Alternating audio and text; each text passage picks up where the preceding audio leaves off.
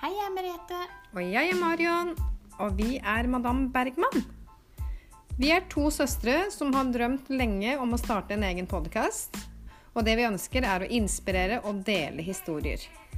Og er vi flinke til å dele historier, er det òg lettere for alle å være åpne og dele. Sammen kan vi løfte og inspirere hverandre. Husk, du vet aldri hvem du hjelper.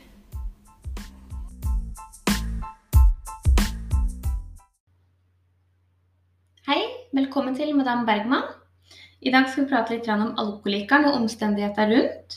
Vi skal prate litt om hva som kjennetegner en alkoholiker, litt årsaken til hvorfor de drikker, eh, og hvordan vi kan prøve å hjelpe dem på en best mulig måte. Eh, vi skal også prate litt om pårørende. Ja, eh, da har jeg litt lyst til å si litt om alkohol. Alkohol er jo samfunnets aller største problem, sosialt, helsemessig og økonomisk. Alkoholisme er en sykdom som må behandles på lik linje med andre sykdommer. Mm. Du hjelper best en alkoholiker ved å være ærlig. Og kanskje stille litt mer krav. Og stille det kanskje de rette spørsmåla. Mm. Og så er det litt med medavhengighet. Er jo alkoholikerens verste fiende. Vi er jo medavhengige når vi dekker over og ikke stiller de krava. Mm. Um, så det at, måte, at alkohol da er faktisk samfunnets aller største problem, det, det slo meg litt, faktisk. Ja, jeg ble faktisk veldig overraska. Jeg visste at det var et veldig stort problem. men At det var en av de største problemene, syns jeg var veldig overraskende. Ja. Um, grunnen til det kan det være fordi at uh, alkohol er lovlig rusmiddel. Ja. At det er lettere tilgjengelig, kanskje. Lettere tilgjengelig. Og så er det jo nå Sånn som vi lever i dag, så er det jo alkohol i ganske mange settinger som vi er i. Mm. Det har på en måte blitt en sånn positiv greie å drikke. Mm. Vi drikker jo mer og oftere. Du er jo gjerne unormal hvis du ikke drikker. Ja. Mm. Det er liksom lagt opp til at en skal drikke, Ja, egentlig. Mm. Absolutt. Jeg tenkte jeg bare kunne ta litt om hva som kjennetegner en alkoholiker. Eh, Vi må huske på at eh, folk er forskjellige, så det er jo ikke likt for alle. Men litt sånn de typiske tegna, da. Um, Jeg tenker kanskje de drikker kanskje mer enn planlagt. De drikker kanskje oftere. Drikker i det skjulte. Drikker aleine. Mm. Mm. Eh, Kan jo, eh, ofte så endrer de jo personlighet Mm. Kan jo ofte bli veldig sinte, frustrerte, eller de kan le og tulle mye. Altså, um, tenker i hvert fall Spesielt barn da, ser jo veldig godt på uh, voksne hvis de har drikke, f.eks., for, for de er veldig vare. Mm. Ja, så sier de ofte sånn 'Hvorfor er du så rar?' eller 'Hvorfor blir du så rar?' Og Mm. det, og det er jo det vi blir når vi drikker. Mm. Litt når du sier om de der eh, Og da tenker jeg litt på ofte når de drikker, så drikker de så mye og så fort. Mm. Og tømmer i seg. liksom. i seg det glasset, eller tømmer i seg den flaska med vin. Mm. Eh, De klarer ikke å kose seg med ett glass vin. da. Mm. De må drikke hele den flaska ganske Mm. fort. Litt av desperate, at du må Mm. få i deg det fortest mulig. Ja.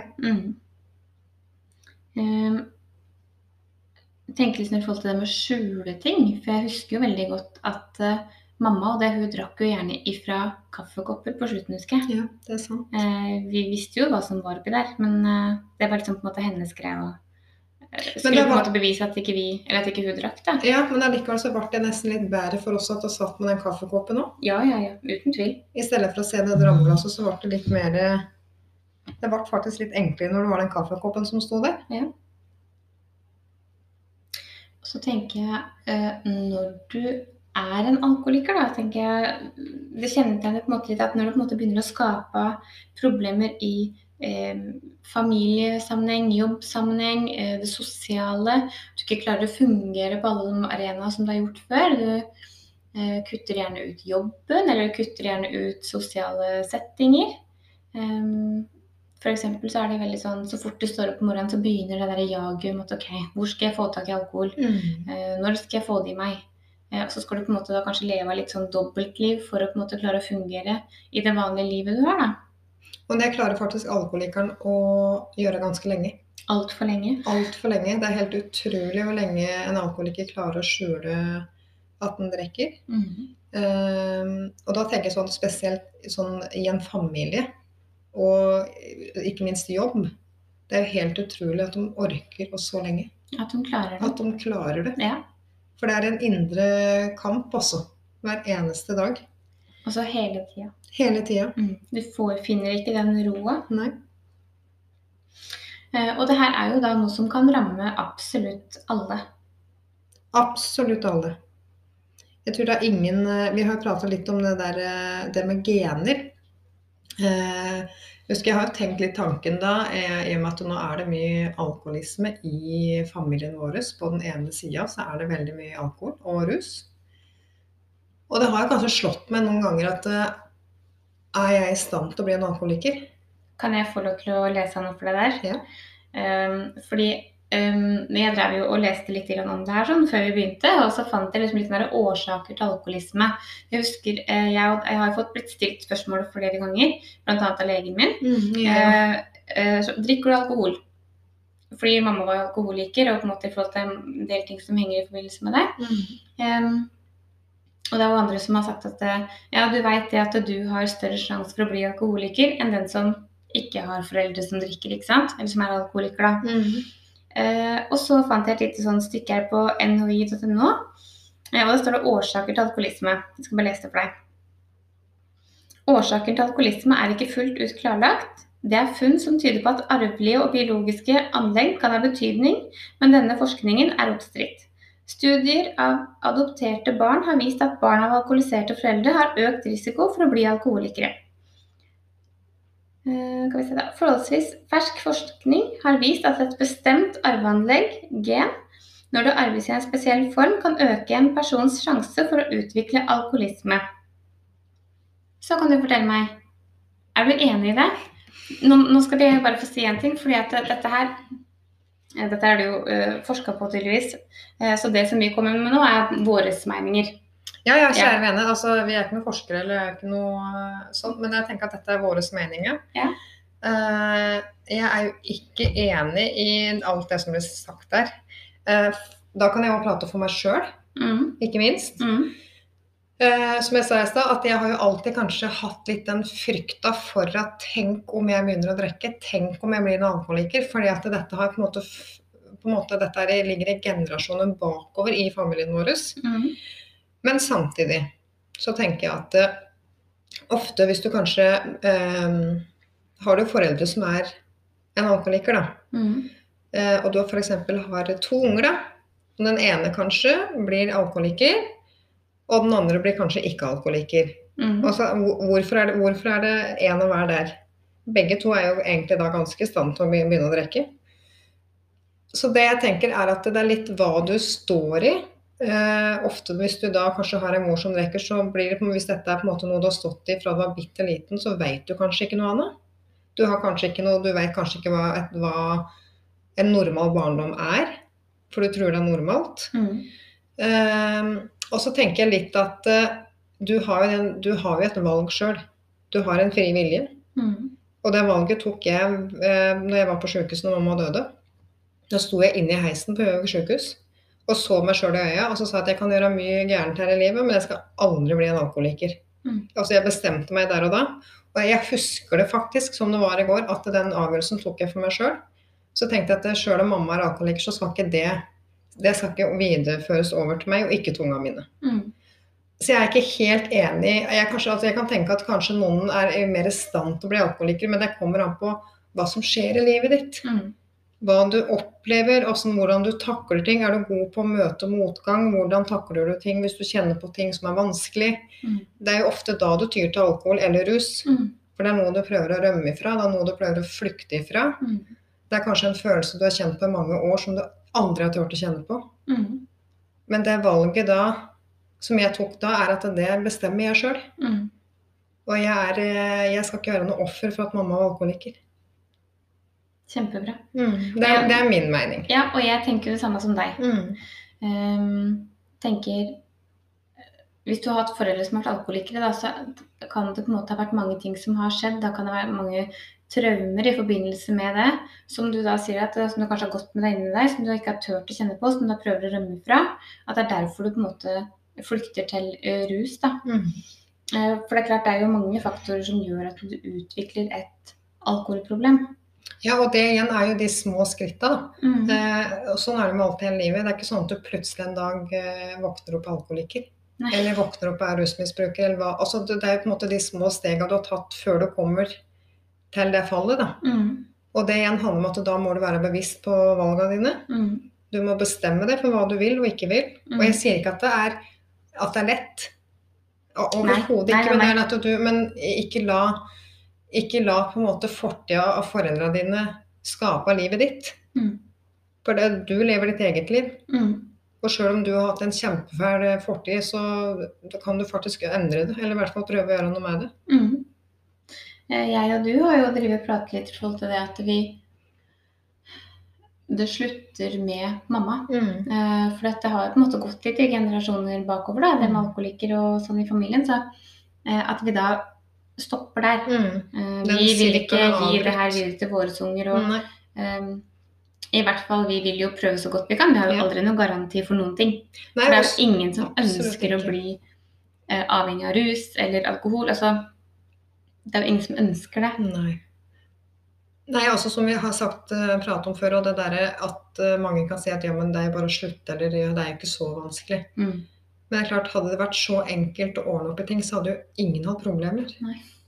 Og da hadde jo ingen vært alkoholiker heller, hvis man hadde visst hvor, eh, måte, hvor mye det ødela da, i, i livet ditt, og ikke minst noen rundt deg. Mm. Eh, Så det å si at, at alkohol er en sykdom, høres veldig riktig sånn for meg. Da tenker jeg det På mamma så tenker jeg at det er riktig, for det blir en type sykdom. Mm. Eh, og jeg skal ikke ha med meg noe av dette videre i livet mitt. Altså Jeg skal ikke høre at 'å ja, du er i stand til å bli alkoholiker'. For det, altså, det, det kan skje hvem som helst uansett. Mm.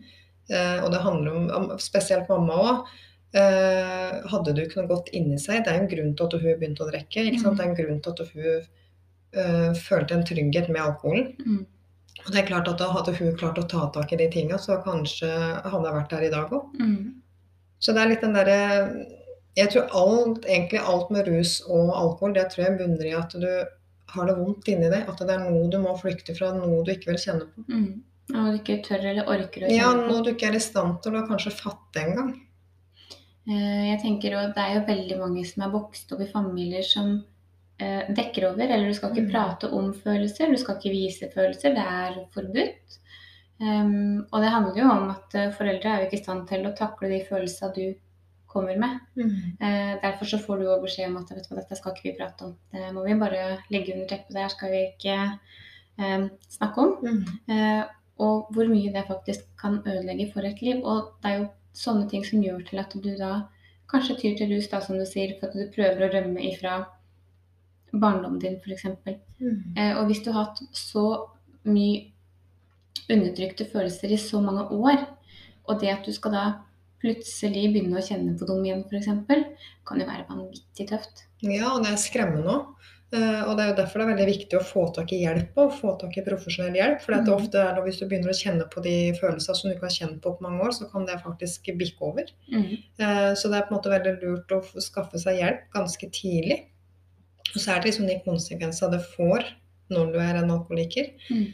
Eh, Ikke minst for deg sjøl. Og nå mener jeg sånn som når jeg snakker til en alkoholiker nå, så eh, nå har jo vi eh, mamma som har vært alkoholiker, og mamma for oss har jo vært helt enestående. Mm. Eh, Og jeg skulle ønske at mamma òg følte seg verdt det å kunne ta den kampen for seg sjøl. Mm. For hun var jo helt enestående. Mm. Eh, og hun trengte bare litt veiledning, hun trengte bare hjelp. Men hun var ikke i stand til å ta imot den hjelpa. Og det er så synd, og det tror jeg mange alkoholikere kjenner litt på, at de føler på en skam.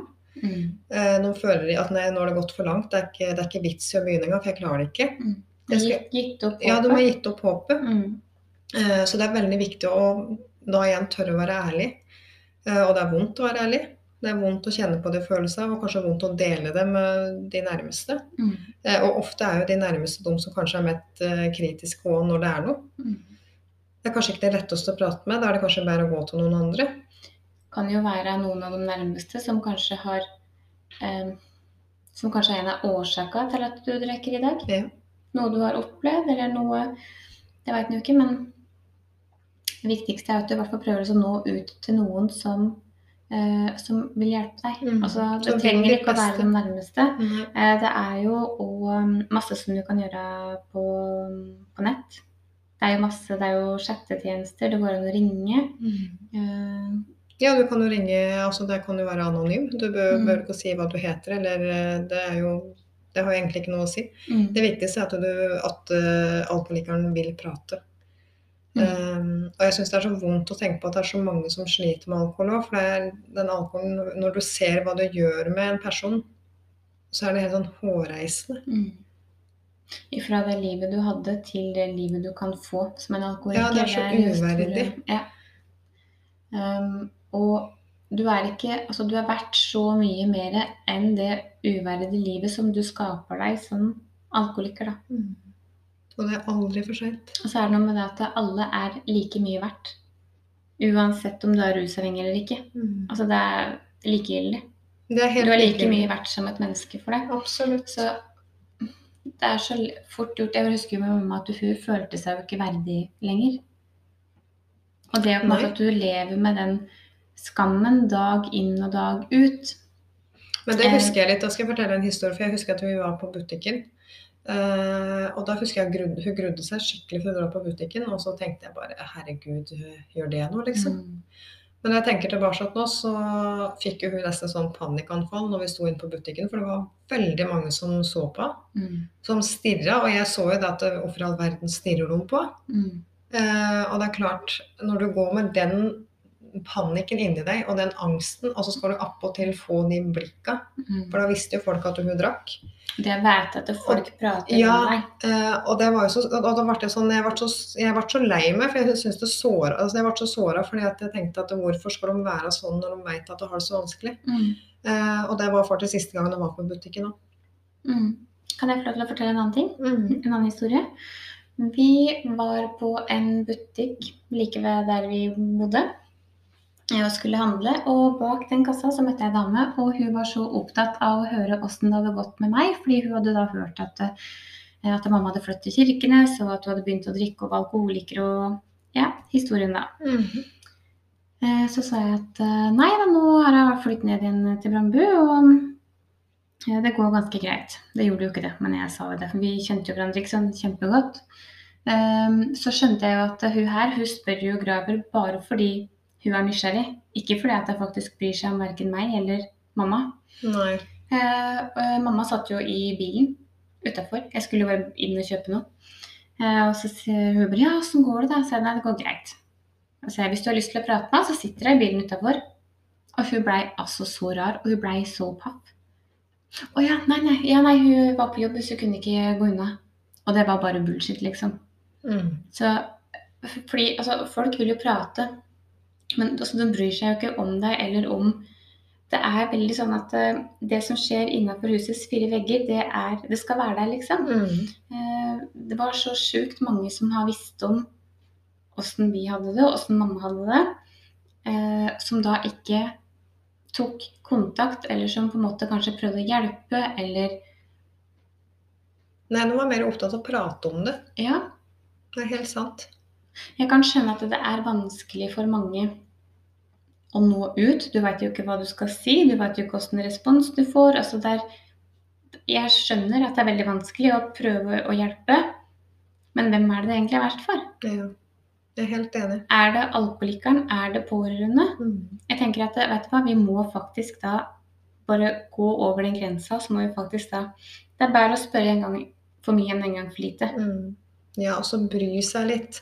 For det er ikke altså, Jeg sier at det er jo ingen som slipper unna problemer hele livet. Altså, Alle vil vi slite på noe. Alle vil vi på en måte møte, noe, en- møte en motgang som er vanskelig. Mm. Uh, og det er klart det vil jo bli lettere hvis alle kan være litt mer uh, hyggelige mot hverandre og kanskje se at det er en grunn til at de er den de er. Mm. Og så som jeg sa igjen, at den, uh, vi, kan jo på en måte, vi, vi glemmer jo fort hva folk sier til oss. Men vi glemmer aldri hva, hvordan folk har fått oss til å føle oss. Mm. Altså det, det er en følelse som sitter. Mm. Eh, Noen kan si kjempestygge ting, men det er den følelsen du sitter igjen med som er ti ganger verre. Da husker jeg veldig godt når mamma døde. Eh, For når jeg kom tilbake til jobb da, så var det liksom var det noen som stilte spørsmål som hvorfor døde mora di egentlig? Eller sånn, altså, de visste jo på en måte at hun var alkoholiker, men hva var Mm. greia, liksom? Eh, Så kommer jeg aldri til å glemme. Jeg gikk nedover gangen, så kom det ei dame i møte som jeg jobba sammen med. Og hun bare kommer og omfavner meg, gir meg den største klemmen. Hun sier ingenting. Hun bare står der og klemmer meg kjempelenge. Eh, og så ser hun på meg og smiler, og så går hun videre. Og det var akkurat det jeg trengte. Vet du, jeg kommer aldri til å glemme det. Det var så deilig at jeg bare liksom fikk um, Jeg bare fikk kjenne på den omsorgen uten å måtte si hvorfor hun var borte, eller hva som egentlig hadde skjedd. For hun, hun visste det, så vi trengte ikke å si noe, liksom. Eh, og det husker jeg så innmari godt. Da måtte jeg ta meg sånn liten pause, for jeg begynte å gråte så. jeg kjenner på det, det nå, faktisk. Det var jo bare fordi at det var godt. Jeg følte en sånn lettelse, jeg følte en sånn trygghet. Det var liksom sånn Det var bare rein kjærlighet. Ja. Mm. ja. hun var så fin. Ja. Så jeg skjønner, jeg husker veldig godt hva folk um, hva de, altså den hva de får dem til å føle. Ja, hva de får deg til å føle. Ja. Mm. Uh, igjen litt av det der med, altså Tilbake til alkoholikeren er at uh, det er ikke noe skam å slite. Altså, uh, Alle at, sliter vel med sitt på hvert sitt plan. Ja, men så føler jeg så fort du får opp det ordet alkoholiker, og så er det på en måte stempla, tror jeg mange kjenner litt på. Mm. At du på en måte ikke har klart å ta tak i ting, du har ikke klart å håndtere livet. Mm. Eh, du, måte, du, tar ikke vare på deg sjøl lenger. Du blir sett ned på. Du blir sett litt ned på. Mm. Um, uh, og det er, det er kanskje det er derfor det er litt sånn vanskelig og det å være åpen om det òg. Mm. Uh, men igjen så er det viktig å få fram den der at du, altså, du er så verdt den kampen. da. Uh, og jeg skulle ønske at mamma hadde klart å ta den kampen, mm. uh, istedenfor at hun tapte den kampen. Mm. Um, for da hadde jeg faktisk vært her i dag. Ja. Jeg kjenner at det, står veldig respekt eh, av de som klarer å, å, snu det. De klarer å ta den kampen om å redde seg sjøl, stå opp for seg sjøl. Stå opp for ungene sine, stå opp for familien sin, kanskje stå opp for en hel verden om å se at vet du hva, jeg er uh, sober. Så bra. Jeg er mektig imponert, for fy fader for en jobb de har gjort. Ja. Uh, og det er ikke bare det at de faktisk har eh, tatt det vendepunktet og sagt at OK, vet du hva, nå skal jeg slutte å ruse meg. Men dette her må de da på en måte leve med det resten av livet. Ja, det er et valg de, de tar hver eneste. De har jo en avhengighet. De har på en måte et valg at OK, i dag skal jeg fortsatt være rusfri. Dette er på en måte et valg de må ta resten av livet sitt. Mm. Det er ikke det at det kanskje suget er kanskje like sterkt sånn med åra, det vet jeg ikke. Men at de da i hvert fall må ta den kampen da hver eneste dag. Mm. Ja, og det at de faktisk eh, de velger livet sitt. Mm. Eh, og det er jo vanskeligere enn å på en måte bare avslutte det, eller ikke ville. Mm. Eh, men det, det, er jo så verdt det. Det er lettvint å gi opp. Det er veldig lettvint mm. å gi opp. Eh, så den kampen å fortsette er jo enda verre. En ting som jeg syns eh, du sa så fint, var eh, det er så vanskelig Det er så krevende å være positiv når du er negativ. Ja.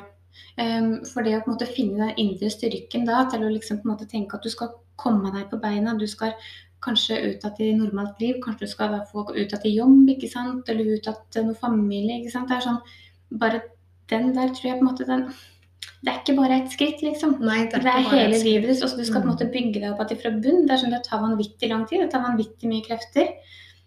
Så jeg må bare si til alle dere alkoholikere der ute som drikker, til dere som er tørrlagte. Eh, stå på. Fy fader, så flinke dere er. Ja, eh, og dere er, verdt, dere er verdt like mye som alle andre.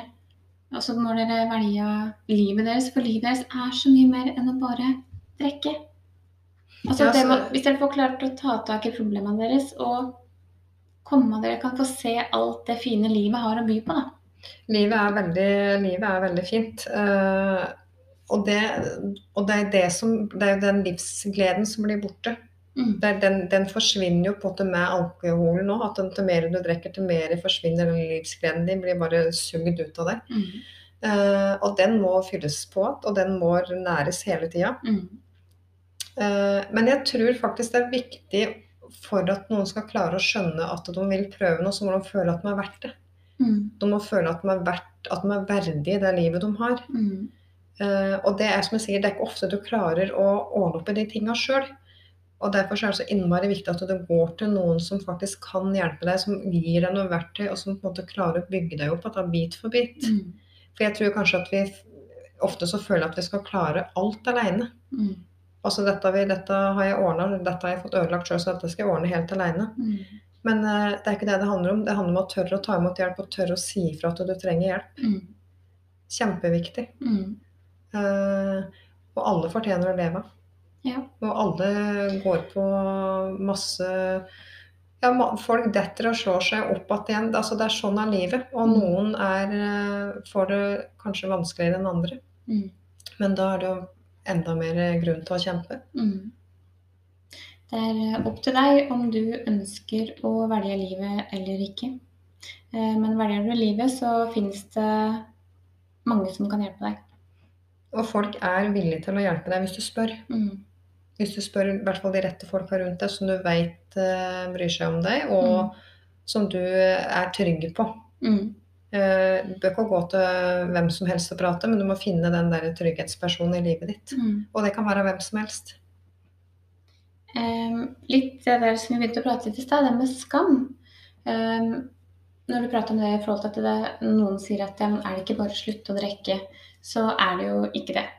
Jeg husker veldig godt den skammen og den sorgen mamma hadde hver eneste dag fordi at hun valgte å drikke. Altså hun valgte alkoholen foran ungene sine hver dag. Og den skammen, skyldfølelsen, altså all, den angsten og den sårheten som hun satt med hver eneste dag, den blei jo bare verre og verre. Og til mer dette på en måte kom, så til mer drakk hun jo. Til verre hun følte det, til mer drakk hun ikke sant. Eh, men hun måtte leve med det at hun valgte alkoholen foran ungene sine hver eneste dag hun drakk. Eh, så jeg vil bare si at eh, jeg skjønner at det er vanskelig. Og til verre du føler deg, til mer vil du drikke. Det er bare en ond sirkel, og det er vanskelig å komme seg ut av den der. Altså Avhengigheten har blitt så stor at eh, ikke Altså, du velger ikke alkoholen foran ungene dine lenger. Nå er det bare en alkoholen. Ja, den, Og dette eh, gjør du ikke bevisst. Du vil jo ikke velge alkoholen foran ungene dine, men avhengigheten har tatt overhånd. Mm. Um, så det er på en måte den du må prøve å komme forbi, da. Mm. Og det er den du trenger eh, hjelp til å håndtere. Det skjer jo gjerne ofte noe drastisk nå, før du på en måte kanskje slutter å drikke. Før du liksom klarer å si at ok, nok er nok. Ja. Men det er, eh, det er håp. Det er håp, eh, og vi heier på absolutt alle. Mm. Eh, Som jeg sier at liksom bak enhver alkoholiker så er det en historie der òg. Mm. Det er en grunn til at de drikker. Så derfor så det måte, Han skal ikke se ned på noen som sliter, da. Mm. Du skal heller prøve å hjelpe dem opp. Og Mm. dra dem opp og heller få dem i riktig retning. Ofte kan det være litt vanskelig faktisk hvis noen rundt deg sliter òg, for at du føler at du blir dratt litt ned i den negative greia sjøl. Mm. Eh, men da igjen handler det om åpenhet og ærlighet. Absolutt. Det tror jeg er veldig viktig da. For det, for det følte, jeg vet at du tenkte litt på meg når jeg var så deprimert, så Ja. eh, det ble vanskelig for deg òg, fordi at jeg dro jo deg like mye ned, jeg òg. Det skjønte jo ikke jeg der og da. Nei, nei, det var veldig vanskelig. Um, på en måte det å skulle være den som skal prøve å holde deg oppe. Um, og du var jo deprimert ganske lenge. Mm. Uh, og bare den, når du kom inn døra, bare jeg liksom så bilen din når du kom, så fikk jeg litt sånn herre åh. Jeg følte meg veldig tung sjøl da. Mm. Um, for på en måte når du ikke får noe positiv feedback, liksom, det blir på en måte bare det derre tunge det negative. negative, så det trekker jo alt ut av deg. Mm. Eh, men jeg er veldig glad for at vi kom oss gjennom den der. Ja, absolutt. Og det var det jeg skulle fram til. Det er at eh, som pårørende da, så er det faktisk bare viktig å være ærlig og kanskje hjelpe den personen til å få den hjelp man trenger. da. Mm. Eh, Men samtidig er det veldig viktig å lytte, for det er kanskje den, den personen trenger å få ut noe som er viktig å få ut. Selv om det kan være vanskelig der og da, og det er tungt å høre på, så eh, i hvert fall lytt, og så heller prøv å hjelpe dem videre. Som eh, pårørende så må vi eh, støtte oppunder eh, så godt vi kan. Det er ikke alltid like enkelt. Jeg husker faktisk litt det med mamma at når du er du er med og du er på en måte litt den der medavhengighet, at du er jo med på en måte å skjule at de drikker. Du er på, altså, på, en sånn, på en sånn snodig greie, for du vil jo ikke det. Men, så, men samtidig så gjør du det fordi at du er glad i den personen som drikker. Mm. Eh, veldig fort gjort å miste seg sjøl. Mm. For du, du kommer i en sånn dårlig negativ eh, vibb. Og alt dreier seg om alkohol, og alt er negativt. Og Til slutt så vet du ikke hvem du er. Mm. Uh, og den tror jeg vi begge to kan uh, kjenne litt på, for det tror jeg det skjedde hos begge to. Ja, jeg følte på en måte du levde jo liksom et sånn dobbeltliv, da. Sånn jeg, Du òg levde et dobbeltliv sjøl om du ikke var alkoholiker. Ja. Ja. Uh, Du blir på en måte veldig sånn dratt inn i det. Jeg følte, jeg var jo alltid, jeg har alltid vært åpen om det. Aldri lagt skjul på det. Jeg, jeg har aldri følt en skam for at mamma var alkoholiker. Aldri. Eh, Det kan jo kanskje ha noe med at hun var så god mamma. Altså, klart, det var dager som ikke var like god mamma, eller på en måte da, Absolutt. eh, som da alkoholikeren på en måte kom fram. Kom fram. Eh, det var som alkoholen som prata og liksom, på en måte sånne ting. Men allikevel så hadde vanvittig mye kjærlighet til oss, da. Eh, så jeg føler at jeg skjulte det aldri. Eh, men jeg husker jo liksom veldig mange som jeg kom på besøk til hun, som da hun hadde eh, Hun var full, og hun satt jo og drakk. Som jeg bare kommer inn døra og bare tenker at vet du hva, akkurat i dag så driter jeg i det. Jeg orker ikke å ta noe kamp. Setter meg ned, tar meg en kaffekopp og prater og later som ikke noe, og så kan jeg reise. Mm. Eh, Jeg husker jo at jeg hadde sånne dager, liksom. Eller så var det jo veldig ofte sånn eh, Vi sa jo liksom veldig ofte ifra når vi var der, at eh, uff, må du drikke, liksom, eller Begynte jo ofte å krangle, ikke sant. Fordi det er klart at som alkoholiker så vil du gjerne ikke høre at folk sier til at ok, jeg sitter og drikker noe igjen, liksom. Eh, Og så er det veldig ofte at eh, vi som pårørende vi kan bli veldig sliten, og vi og det kan bli kjempesinte, og vi kan bli usaklige når vi sier noe til Mm. alkoholikeren. For vi blir så eh, rett og slett dritlei av dette her som liksom på en måte går Mm. på, på omgangen. Det går liksom dag ut og dag inn. Det er på en måte eh, Vi får ikke noe fri, vi heller. på en måte. Vi går rundt og er bekymra, liksom, og ting skjer, ikke sant. Og, eh, men i hvert fall du òg som pårørende, prøv i hvert fall så godt du kan. Mm. Um, Det er ikke noe fasitsvar heller på hva du som en pårørende skal orke å stå i. nei. Eh, For det er veldig sånn um, Vi og det sto i mye, men samtidig vi var også flinke til å på en måte distantere oss litt, bitte litt. Og vi trakk Ja. oss litt unna. Absolutt. Fordi noen ganger som du sier, orka vi ikke. Nei. Og jeg har ikke noen dårlig samvittighet for det Ikke heller. Overhodet ikke, for det tenker jeg jeg måtte ta vare på meg sjøl òg. Når du prater litt om det der med mamma, at vi, hun, ja, hun blir jo sinte når du Mm. tar opp noe. Mm. Men du skal aldri diskutere med en eh, person som er full. Nei, det er nytteløst. Det er nytteløst, for det husker jeg Jeg hadde nok mange diskusjoner med mamma, og det var jo håpløst, for hun var jo full. Mm. Eh, Så det ble jo egentlig bare vondt verre, og da drakk hun nesten mer enn jeg gikk igjen. Og det, da fikk jeg i hvert fall vondt i magen. Og så det er noen ting du på en måte må lære deg litt eh, som Du setter sette litt ego setter, til side. Ja, på en Mm. måte sette egoet litt til sida, og så tenk litt på deg sjøl. Mm.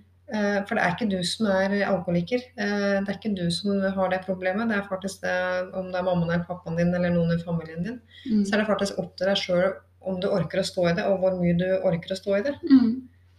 Um, det er greit å ta seg litt egentid. Du må passe på deg sjøl. Du, eh, du må på en måte finne Altså du må ta vare på identiteten din, da. Eh, vi følte veldig at vi hadde egentlig mista oss sjøl etter at mamma døde, for dette hadde på en måte blitt for mye. Vi hadde ikke vært flinke nok til å ta vare på oss uh, sjøl. Um, vi prøvde alt vi kunne for at hun skulle få hjelp. Vi var jo innom masse forskjellige distanser så at hun skulle få hjelp. Vi prøvde så godt vi kunne. Eh, Men hun ville ikke. Eh, Og så lenge ikke hun ville sjøl, så var det heller ikke noe vi kunne gjøre. Eh, Og jeg sitter med den følelsen i dag at vi gjorde faktisk det vi kunne, og det var faktisk bra nok. For hun ville faktisk ikke. Det var jo ikke bra nok, fordi at hun døde jo. Men vi kunne ikke ha gjort noe mer.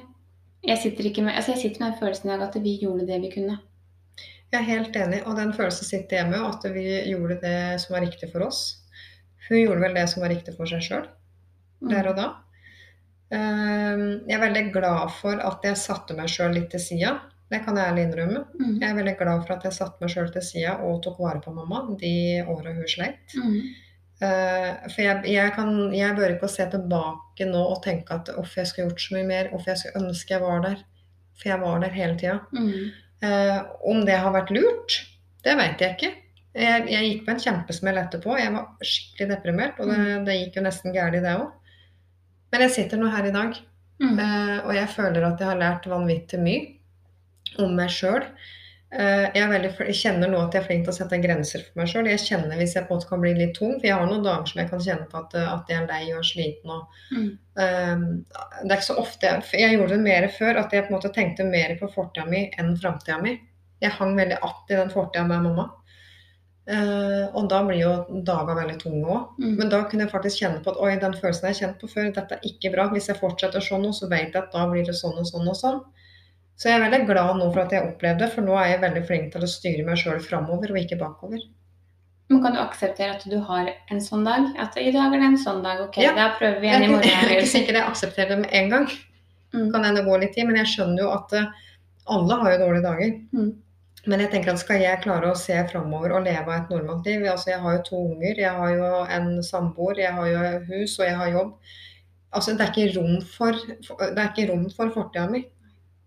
Hvis, jeg skal, hvis jeg skal tviholde så vil jeg aldri kunne ta tak i noe nytt heller. Mm. Uh, Så derfor når jeg har de dårlige dagene da, så tenker jeg at det er greit. Men så samtidig, jeg er ikke, jeg er ikke lenge i den dårlige greia da. Jeg, jeg klarer på en måte å snappe meg ut igjen og klare å gjøre noe annet eller bryte et mønster. Men det handler om at nei, nå bare brågår jeg rundt her eller finner på noe annet. For, for det igjen, da.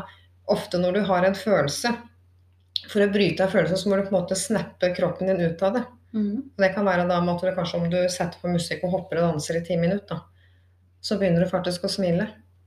Og det er jo de tinga der har jeg lært meg at da har jeg på en måte noen sånne verktøy som jeg gjør sjøl, da. Mm. Men det er klart det er jo dager som jeg kjenner at eh, jeg er så dritlei av at mor mi var alkoholiker. Mm. Hvorfor i all verden skjedde dette av oss? Mm. Det er klart jeg har dager som jeg tenker det, Mm. men det gagner meg ikke. Nei, helt klart. Nei.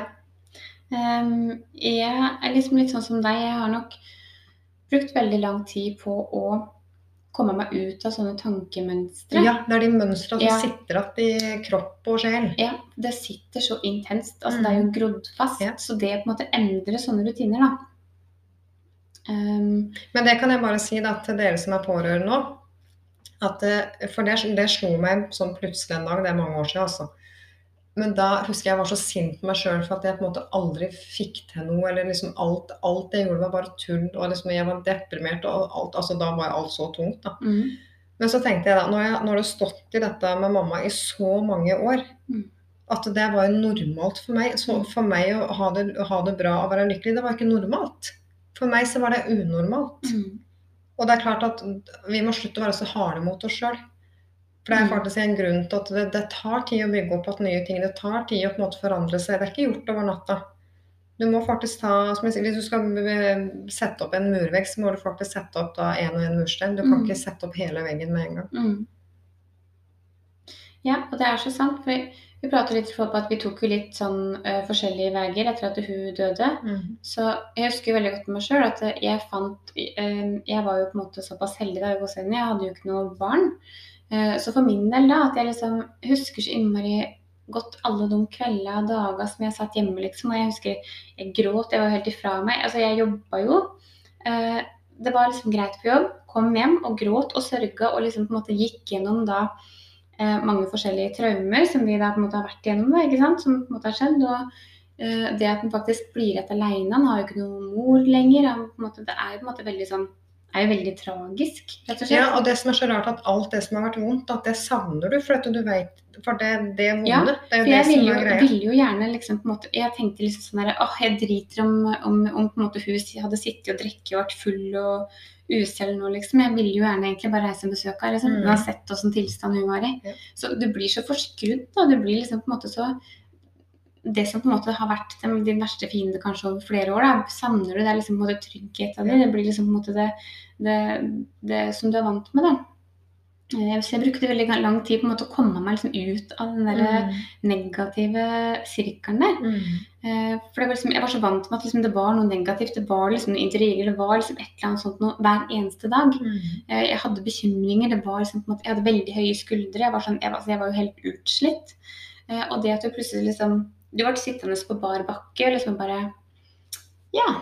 Hvem, hvem, hvem er jeg, og hva skal jeg gjøre, liksom? Jeg ante jo ikke hvem jeg var, eller hva jeg skulle gjøre. Eller liksom, jeg hadde en jobb, da. Så var det liksom sånn Ja, OK. Eh, hobbyer? Nei, altså det har jeg ikke. Det har jeg i hvert fall ikke hatt tid til.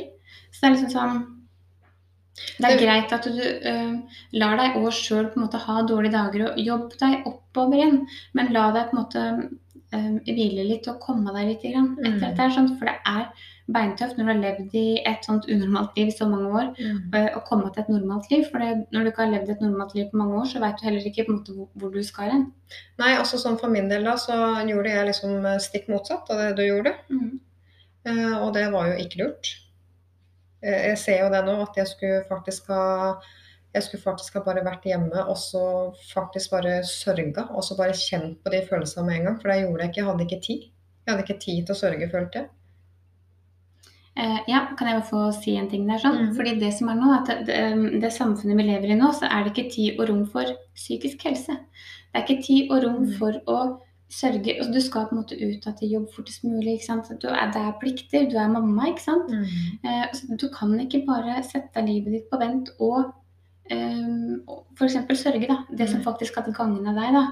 Um, så jeg tenker at det må vi bli- mye flinkere til. Vi må Mhm. bli flinkere til å akseptere uh, oss sjøl og ikke minst. Mhm. At eh, vet du hva, nå trenger jeg faktisk en pause. Nå har det vært ganske heavy. Mm. Skal jeg på en måte ikke gå på veggen? Skal jeg på en måte klare å fungere normalt nå? Skal jeg på en måte velge meg sjøl og familien min nå før jeg går på veggen? Mm. Eller skal vi da gå inn i en depresjon? Mm. Du ville jo ikke ha vært en depresjon. Aldri Men vi pusher oss så fælt. Vi har så høye forventninger til oss sjøl. Samfunnet vårt har høye forventninger til oss. Så det er ikke rom til å på en måte sørge, da. Nei, Nei det, det er vanskelig. For at det, Følte du på det? Veldig. Og så hadde jeg en jobb å gå til. Uh, og jeg hadde jo Oliver, og gudskjelov for at jeg hadde han, for han var liksom lyspunktet, da. Uh, faktisk så er jeg veldig glad for at jeg hadde han. Eh, for da måtte jeg opp om morgenen. Jeg, må, jeg, måtte, måte, jeg måtte stelle han, jeg måtte måte få han Ja. eh, sende i barnehagen og på en måte ordne mat. Og han var jo bare blid, ikke sant? så da fikk jeg på en måte gleden gjennom han. Eh, men jeg, må si, for jeg husker så godt at jeg var på jobb, og så sier dette kanskje var da ja, Jeg lurer på dette var kanskje rett før jul eller noe. Og jula, den første jula var jo grusom. Eh, igjen fordi jo at vi hadde det så innmari mye Vi hadde det så fint når det var jul, vi i familien. Mamma Mange gode minner. Veldig mye gode minner. Og da husker jeg liksom at det var, da var, hadde jeg sikkert en litt dårlig dag. Eller jeg var sikkert ikke helt på nett. Uh, og så husker jeg jeg var en person som spurte meg hva er det her for noe med deg i dag, da? er du ikke i form? Og så tenkte jeg nei, jeg mista mammaen min for to måneder siden. Mm. Og så ble jeg sånn, ble jeg sånn der, Jeg ble liksom sånn provosert. tenkte jeg, Er det ikke greit at jeg har en dårlig dag? Altså, det er bare to måneder siden. Mm. Men da kjente jeg litt at da begynte jeg å lokke meg litt. Mm. For da tenkte jeg det er, det er ikke rom til å ha en dårlig dag engang. For at Mm. mm. Jøsse navn, liksom. Altså, Mm. og da, når jeg tenker tilbake sånn, så da skulle jeg nesten ha sagt liksom at herregud, er det rart liksom jeg har Jeg skulle på en måte ha stått opp for meg sjøl, da. Mm. Men du gjør ofte ikke det. For du, du, blir, du blir så satt ut når du får, når du får dette slengt litt opp i ansiktet. Mm. Eh, ikke at, eh, det er ikke sikkert en person visste hva som hadde skjedd engang. Mm. Ikke sant? Nei, nei. på- nei, nei, for all del ikke. Eh, men jeg liksom tenkte at det var, sånn, det var så normalt at du, du skal liksom dette tilbake til det normale livet på et sekund. Mm. Og det forundrer meg litt. Jeg var veldig heldig, fordi jeg hadde, eller har fortsatt, samme arbeidsplass. Mm. Um, som hadde veldig stor forståelse for det jeg gikk igjennom. Eh, og jeg husker jo det at hun døde jo da i oktober. Og dette her var jo da sommeren etter. Eh, for jeg var veldig sånn at jeg drømte om hun om natta. Og våkna da, og da grein jeg jo gjerne hele dagen. Jeg klarte ikke å komme meg ut, for den drømmen den var så virkelig. Og så våkner du, og så har du liksom den verdens fineste drømmen at du fortsatt har en mamma, og liksom livet er normalt, og så plutselig så slår det deg eh, at hun er død, og så ligger du der og bare oi. Og da knekker du ikke sant. Og da husker jeg så innmari godt. Jeg skulle på, på kveldsvakt. Jeg klarte ikke å komme meg, jeg hadde ikke sjans. Jeg bare grein. Og det da at du skal ringe på jobb da, Mm. nesten et år etterpå og si at vet du hva, jeg beklager, jeg kommer ikke på jobb i dag, jeg bare gråter, jeg har mista mora mi for et år siden. Det er jo ikke normalt, skjønner du hva jeg mener. Altså, det er liksom på en måte ikke Altså, jeg vet på en måte ikke hvor akseptert det er, liksom. Uh, I hvert fall ringe på jobb, da. og bare griner. Da måtte de bare fortelle åssen det var, da. Eh, og bare bli møtt med den forståelsen at Veit du hva, Merete, det skjønner jeg. Det går bra. Dette ordner vi. Og bare det at, det liksom, at noen ser deg så lenge etterpå, at du faktisk Og at det liksom er en sorg, og at liksom arbeidsplassen din, som som du jobber på hver eneste dag, tenker at vet du hva, vi, skal, vi støtter deg, dette her skjønner vi, ikke tenk på det. Og bare å legge på den telefonen da, og føle at du blir sett og hørt, at du på en måte får lov til å sørge fortsatt et år etterpå. Altså Jeg hadde ikke mange dager borte fra jobb, men ja, noen dager hadde jeg. Og da var jeg såpass ærlig på å si at vet du hva, beklager i dag, jeg orker ikke, jeg klarer ikke. Og at det faktisk var greit. Så jeg må si at jeg hadde verdens pineste arbeidsplass. Ja, og for det er viktig. Mm. Eh, og for dette, dette handler om at da kan du faktisk, den dagen du har, eh, har det vondt, så kan Mm. du faktisk være hjemme og så kjenne på at det er vondt. Mm. Du, du bør ikke legge over noe, du bør ikke pynte på noe. Du kan faktisk bare ligge der, og det er kjempeviktig. Um, en annen ting at jeg bare må si, det er at eh, jeg kunne godt komme på jobb og si at eh, vet du hva, i dag har jeg en litt dårlig dag. For da skjønner de at ok, du er kanskje ikke Du føler deg kanskje ikke helt bra, kanskje du har en litt tung dag. Men det er sånn, det er veldig fint at du kom på jobb i dag. Det er fint å se deg. Og så bare det at noen kan anerkjenne at det faktisk er greit. For det er jo naturlig å ha tunge dager. Det er jo naturlig at alle dager ikke er like. Nei, og så hadde det vært kjedelig hvis alle dager var så himla bra òg. For da har du ikke noe å strekke seg etter. Men det er sant. ja da. Ja. Alle dager kan ikke være bra hele tida. Nei. Nei, men det, fra spøk til alvor, da. Eh, det er veldig viktig å som pårørende som gå inn i deg sjøl og kjenne på hva som er riktig for deg sjøl. Mm. Tør å være åpen og ærlig, si det som det er. Ikke bry deg om det er noen som kommenterer noe. For det er som jeg, som jeg har kjent det på når folk som har kommet som kommentarer at, eh, ja, liksom at det, Folk glemte mamma etter fem minutter, føler jeg. Ja. Uh, og nå har det gått elleve år snart, og jeg har jo tenker på hver eneste dag. Mm. Uh, men jeg tror det er viktig som pårørende å tenke litt på seg sjøl. Og på en måte ikke glemme at du er faktisk en person du er oppi alt dette. Mm. Du er ikke bare en pårørende. Du er ikke bare noen som sitter her og skal bare dette inn i noe du egentlig ikke aner hva er. Nei. Ta vare på dere sjøl, og så prøv kanskje skaff dere hjelp. da, Prat med noen, gå til en psykolog eller om det var der, og få den derre At noen skjønner hva du står i. Mm. For det er ikke mange rundt deg heller som skjønner det. Nei. Uh, og det er, ikke, det er ikke riktig at de skal skjønne det heller. Nei. Så du må gå til noen som faktisk vet hva de prater om. Det er viktig å få hjelp som pårørende òg. Ja, Mm. veldig viktig. Det er eh, eh, da igjen, si Vi har jo hatt en veldig fin doktor oppi alt det her òg. Mm. Da tenker jeg på sånn eh, Når jeg òg fikk den smellen, da. eh, hun var veldig flink til å stelle de rette spørsmåla. Mm. Det var kanskje ikke, det, kanskje ikke mest morsomste spørsmålet å få, men samtidig veldig viktig å få. Men hun var, hun var litt sånn artig, da, hvis man kan si det. da. Eh, når du på en måte var deprimert, da. Liksom, så hun var veldig sånn Drikker du? Ja, hun var veldig, Veldig sånn direkte, Ja, veldig direkte. ja. Jeg bare. Guri land. nei, nei, jeg hun faktisk turte å spørre. Ja, det at hun turte å spørre da. Eh, og hun var og husker jeg når jeg kom dit og, og, og jeg, når jeg hadde sånn problemer, så var hun vel sånn Ja, men det er jo greit. Mm. Eh, så igjen da, hvis noen Og igjen, spør de spørsmåla, eller så svar ærlig på dem. Mm. Ikke prøv å pynte på det, eller bare vær ærlig. Mm. Kjempeviktig. Mm. Igjen, vi heier på alkoholikeren, og vi heier på pårørende, og vi vet akkurat hva dere står oppi. Eh, og jeg kjenner på eh, hvor vondt det er for alkoholikeren, og hvor vondt det er hver eneste dag. Det er sånn en sånn grusom smerte som de skal slippe å stå i. Mm. Jeg bare håper at eh, alle kan ta vare på seg sjøl, kjenne litt på hva som skjer inni deg. Har du har du en dårlig magefølelse, så gjør, gjør noe annerledes. Mm. Prøv å liksom finne ut av hva som er årsaken til at du har det vondt. Prøv å finne ut måte, hva du kan gjøre. Det er al du kan alltids gjøre noe, men du må først ta tak i det som ligger inni deg. Mm. Uh, og det gjelder heller ikke bare rus eller alkohol. Det er generelt hele livet. Altså, Mm. Du må ta tak i ting, og du må kjenne på ting. Mm. Uh, for livet kan være brutalt, men det kan være veldig bra og veldig Mm. fint. Mm. Men du må faktisk velge livet framfor alt.